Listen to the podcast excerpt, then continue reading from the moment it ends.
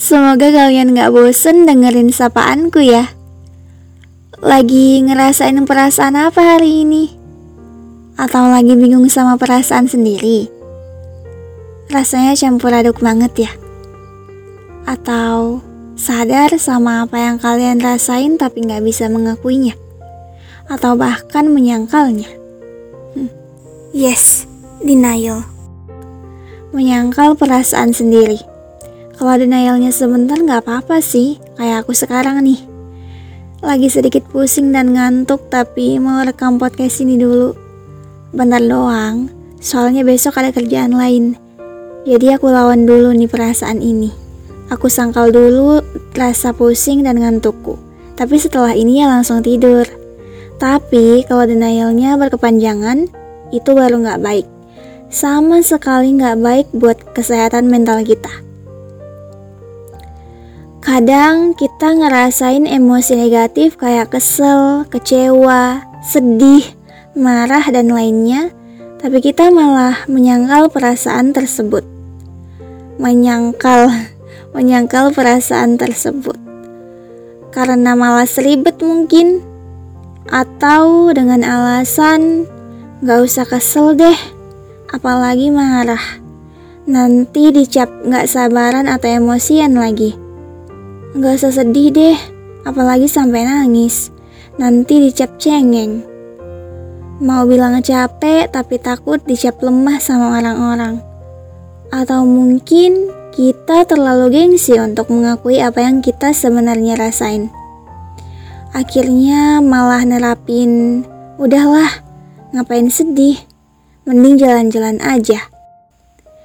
Healing, kalau kata orang-orang sekarang. Padahal bukannya healing, kita tuh sebenarnya malah running. Iya, lari dari keadaan. Mungkin pas jalan-jalan emang merasa bahagia banget.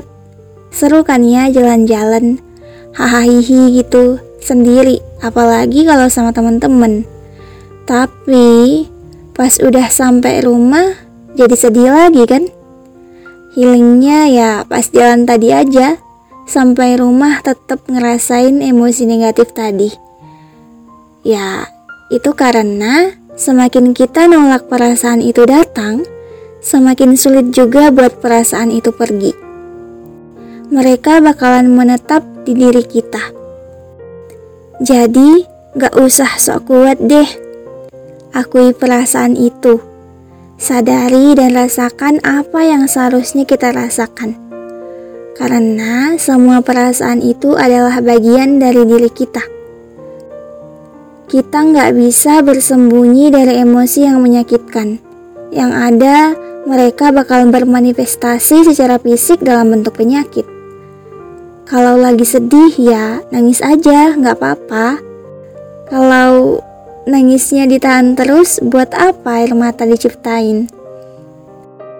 Kalau kesel atau kecewa sama seseorang, diluapin aja dengan cara yang baik daripada menumpuk jadi kebencian dan bikin kita stres sendiri. Kalau lagi marah, nggak apa-apa, marah aja, jangan disimpan, jangan ditimbun. Itu malah bikin kita jadi gampang ke-trigger sama hal-hal sepele.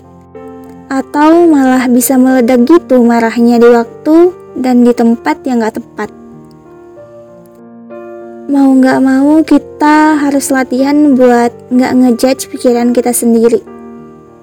Negatif thinkingnya biarin lewat aja. Karena otak kita itu didesain untuk nyelesain masalah kok.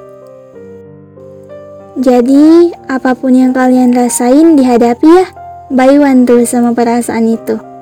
Diterima, lalu berdamai ya sama keadaan. Sesulit apa pun keadaannya deh. Walaupun udah kayak benang kusut, tapi kusutnya bakalan bisa lepas kok. Cuma ya butuh yang namanya kesabaran kan? Yang sabar ya. Yang penting terima dulu, rasakan dulu apa yang kita rasakan. Oke. Makasih banyak udah mau mampir dan dengerin episode singkat ini. Semoga kita masih bisa bertemu di episode selanjutnya ya. Bye.